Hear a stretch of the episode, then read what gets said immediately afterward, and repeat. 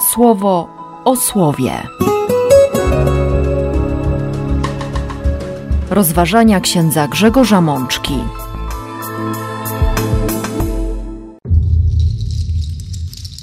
Piąta niedziela Wielkiego Postu, rok B. Z księgi Jeremiasza. To przymierze, które po tych dniach zawrę z domem Izraela, mówi Pan, będzie takie. Umieszczę moje prawa w ich myśli, w sercu ich je wypiszę i będę dla nich Bogiem, a oni będą ludem dla mnie. Z Psalmu 51. Boże, ukształtuj we mnie serce czyste. Odnów w mym wnętrzu ducha prawego. Z listu do Hebrajczyków. On to za dni swego życia w ciele wielkim wołaniem i ze łzami wznosił modlitwy i błagania do mogącego go wybawić ze śmierci i został wysłuchany z racji bogobojności. Z Ewangelii według świętego Jana. Teraz zaczął się sąd nad tym światem. Teraz rządca tego świata zostanie precz wyrzucony, a ja, gdy zostanę wywyższony nad ziemię, wszystkich do siebie pociągnę. Siostry i bracia, to już piąta niedziela Wielkiego Postu. Od dziś, zgodnie z wielowiekową tradycją, mamy w kościele, przynajmniej w kościele w Polsce, zachowany zwyczaj zasłaniania krzyży. Zwyczaj bardzo dawny, pochodzący z czasów, gdy krzyż był wyobrażany jako tron, pusty tron, wysadzany drogimi kamieniami, i właśnie po to, by, by w tym czasie przygotowującym do Paschy to bogactwo ołtarza, bogactwo krzyża jakoś nie raziło w oczy, bo zasłaniano krzyże, zasłaniano również ołtarz. Był to symbol pewnej tęsknoty za Bogiem, świadomości ogołocenia Chrystusa, jego uniżenia, przyjęcia ludzkiej natury po to, by zbawić każdego z nas, i jednocześnie szansa, pewna motywacja dla każdego człowieka wierzącego, by wchodzić na drogę nawrócenia, by czas poprzedzający święta wielkanocne był dobrze wykorzystany na poprawę życia, na to, by zerwać ze swoich oczu zasłonę grzechów, ten całun śmierci powieszony przez diabła, dać się oczyścić, dać się uwolnić od tego wszystkiego, co nie pozwala we właściwy sposób patrzeć na Chrystusa. W tym jednym symbolu, tym jednym znaku można było odkryć i tęsknotę za Bogiem, i uświadomić sobie ogołocenie, które przyjął Chrystus dla naszego zbawienia, i jeszcze mocniej prosić Boga o nowe serce, o nowego ducha, o nowy sposób myślenia. Stolica Apostolska, co prawda, już wiele lat temu pozostawiła do rozeznania i podjęcia decyzji przez poszczególne konferencje episkopatów danych krajów, czy pozostawić ten zwyczaj, czy go zachować, czy z niego zrezygnować. Szczególnie dzisiaj, kiedy nie musimy już kryć ołtarza bogato zdobionego, czy krzyża wysadzanego drogocennymi kamieniami, bo zdecydowanej większości z nas krzyż kojarzy się z surowym drewnem i Chrystusem, który jest rozciągnięty na tym krzyżu. Jest przybity, jest cierpiący, jest w agonii.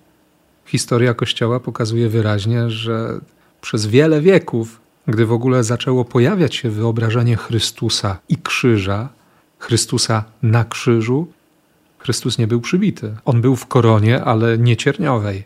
Miał rozłożone ręce i często było widać rany, ale to był Chrystus chwalebny, to był Chrystus zmartwychwstały, to był Chrystus król.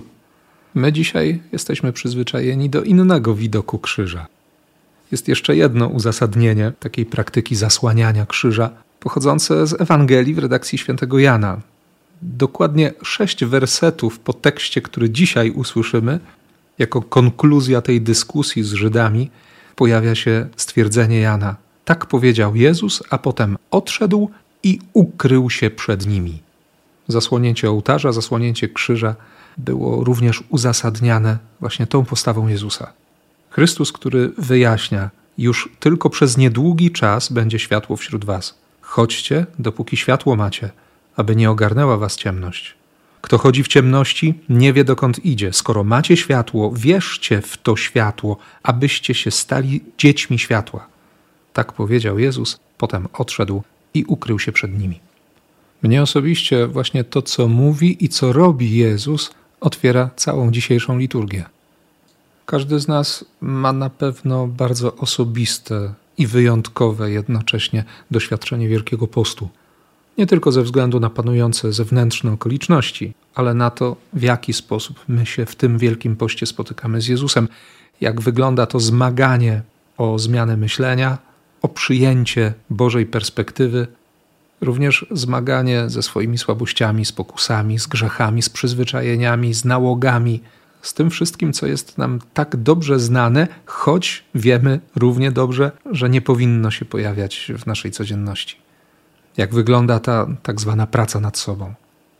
I wiemy dobrze, że wszystko zaczyna się od przyjęcia Bożego punktu widzenia, od słuchania Bożego Słowa. Dlatego dziś po raz kolejny cztery słowa, cztery klucze, którymi możemy otworzyć swoje serce, swoje życie, by wpuścić łaskę, a jednocześnie, może to zabrzmieć trochę przewrotnie, otworzyć swoje serce i swoje życie po to, by zobaczyć, że Bóg w nim jest, że my nie musimy zapraszać Boga do naszego życia, bo On w nim jest. Tak jak nie musimy zapraszać Boga do tego, by się zmiłował i by wreszcie zajrzał, co się dzieje w świecie, bo On tu jest. To jest Jego świat. On go stworzył. Weźmy zatem w dłoń pierwszy klucz. Jest nim pięć następujących po sobie wersetów od 31 wersu z rozdziału 31 proroctwa Jeremiasza. W całym tym rozdziale znajdziemy wiele słów, wiele zdań, które mamy w pamięci z różnych okresów roku liturgicznego. Ale to, co wybrzmiewa we wszystkich tych słowach, to, to ogromna nadzieja. Nawet jeśli czytamy o rzeczach trudnych, o lamencie, o płaczu, o skardze, pojawia się też świadomość własnej grzeszności, słabości, odejścia od Boga. Ale Bóg zapowiada wybawienie, zapowiada taki czas, w którym On sam będzie czuwał, by budować na nowo, by po raz kolejny zatroszczyć się o swój lud. I dlatego ta zapowiedź nowego przymierza. Idą dni, w których zawrę przymierze nowe. I to już nie będą kamienne tablice, to będzie prawo w myślach, prawo wypisane na sercu, i wtedy zupełnie inaczej będzie się słuchać tego, co zostało już powiedziane choćby w powtórzonym prawie. Będę dla nich Bogiem, oni będą dla mnie ludem. Uznać, przekonać siebie i doświadczyć tego, że Bóg naprawdę jest naszym Bogiem. Bóg jest naszym Bogiem. Nie chodzi oczywiście o roszczenia praw własności, ale chodzi o życie, w którym fundamentalną sprawą jest doświadczenie, przekonanie, wiara potwierdzona faktami. Bóg się o mnie troszczy.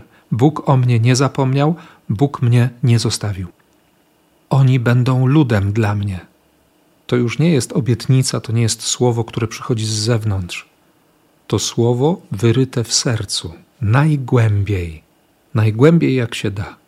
Tego nie da się wyrwać, o tym nie da się zapomnieć.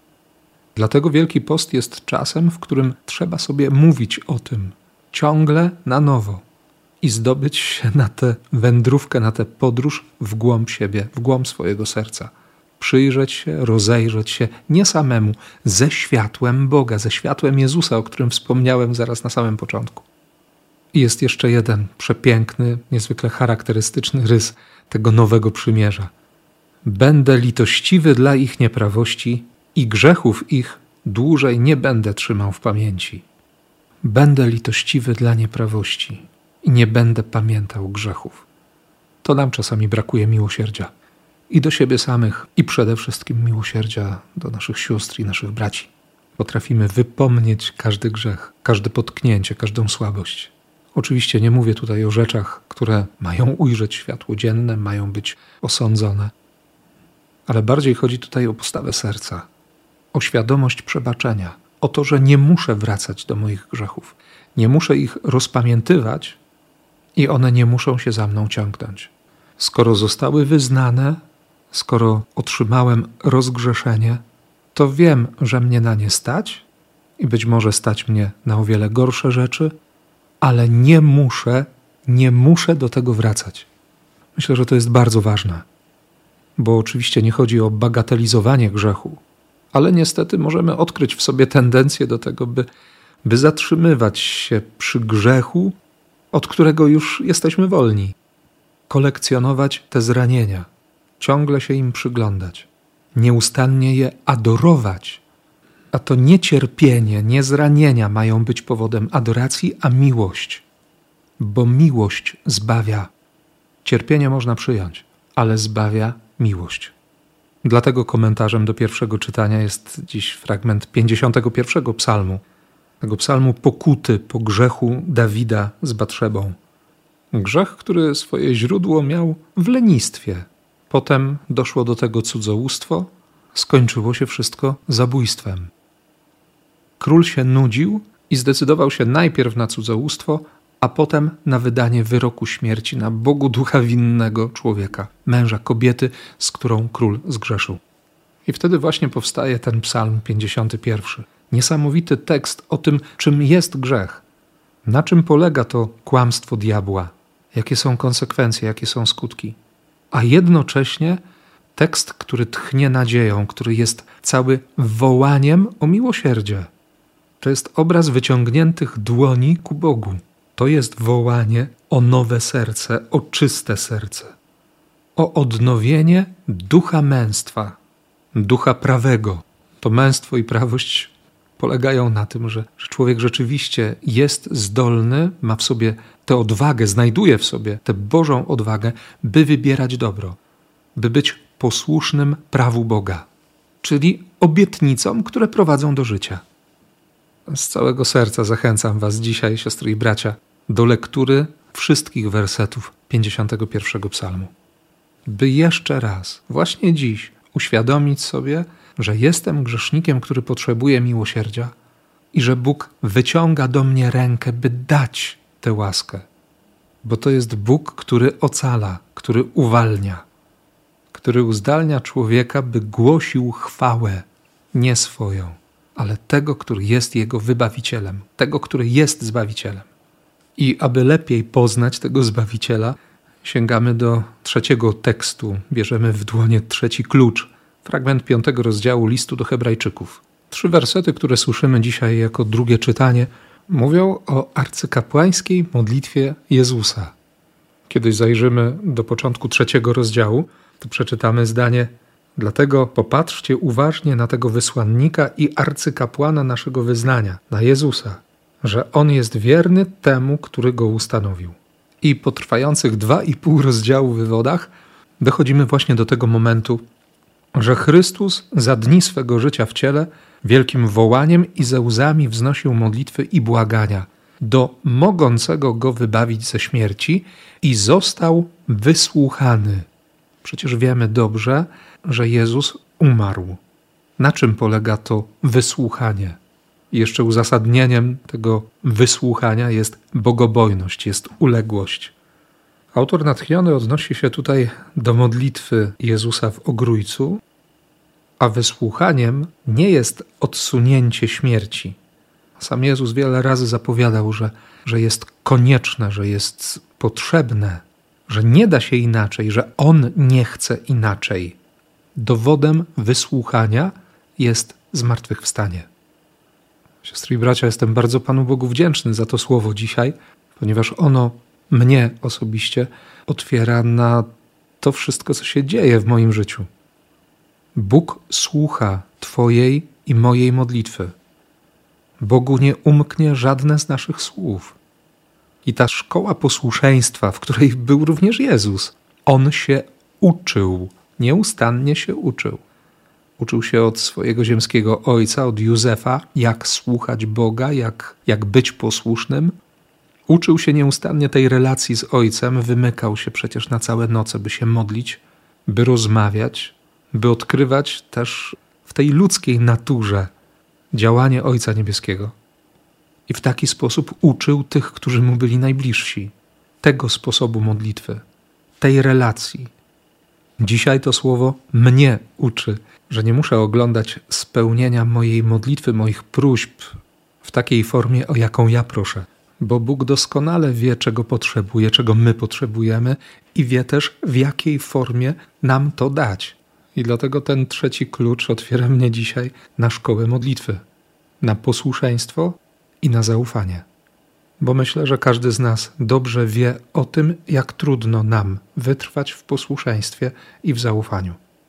Nawet wtedy, kiedy się modlimy, kiedy mamy już konkretną relację z Bogiem. To i tak często trudno nam przyjąć, że jak przeczytamy u świętego Piotra w jego drugim liście, trzeci rozdział, ósmy werset, jeden dzień u Pana jest jak tysiąc lat, a tysiąc lat jak jeden dzień. Nasze postrzeganie czasu, a czas u Boga naprawdę mocno się różnią. Tyle, że Bóg nie rezygnuje. Nie rezygnuje z tego, by nas uczyć, by nam pokazywać rzeczywistość ze swojej perspektywy.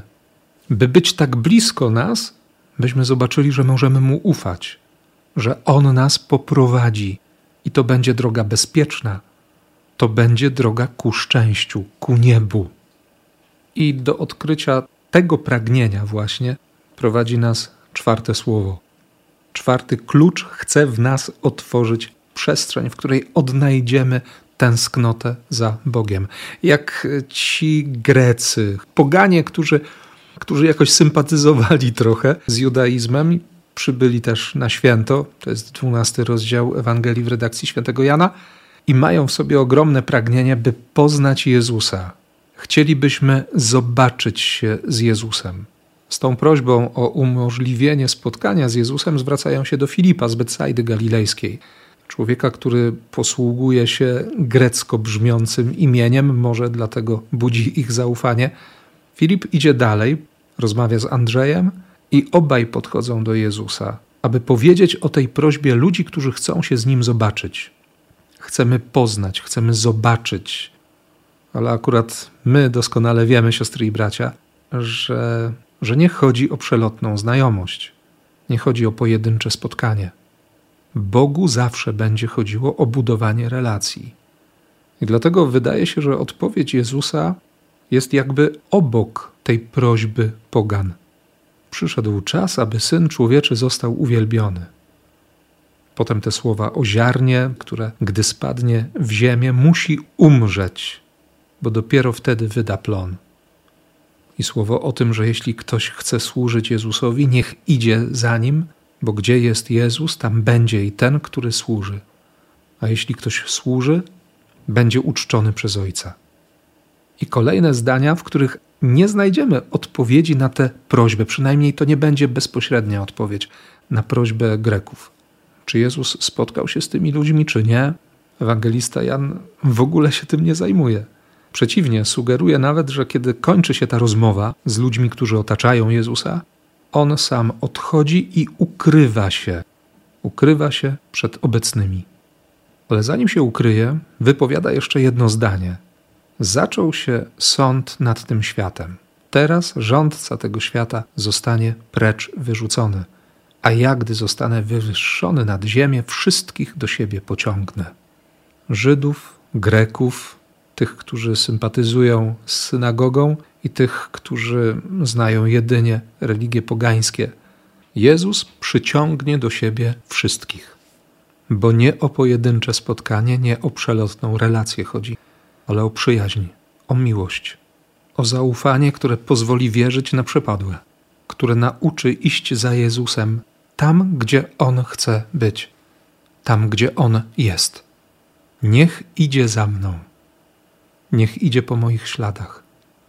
Jestem pewien, siostry i bracia, że te wielkopostne, tegoroczne ślady, które stawia Jezus, to wydarzenia, to okazje i możliwości, by by samemu doświadczyć tego, że On kocha i On pamięta, i by dla innych być znakiem i dowodem tego, że On kocha i pamięta.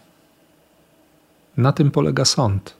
Wyrzucić władcę tego świata, świata, który, który nie chce Boga, wyrzucić tego, który nieustannie okłamuje ludzi, przez autentyczność świadectwa tych, którzy są Chrystusowi bo nie chodzi wcale o jakąś zbrojną walkę. Chodzi o takie życie, o Twoje siostro i bracie, o moje życie, które innym będzie wiercić dziurę w brzuchu pytaniem: skąd on to ma? Dlaczego on tak wierzy? Jak to możliwe, że można tak kochać? Bo tym, co zbawia świat, jest miłość. Miłość, która zgodzi się na cierpienie, miłość, która zgodzi się na chwałę, miłość, która będzie szukać drogi do człowieka. Weźmy to światło Chrystusa, weźmy światło Jego słowa, weźmy te klucze po to, by sobie samym i innym również tak zwyczajnie otworzyć drogę do nieba. Niech tak się stanie. Słowo o słowie.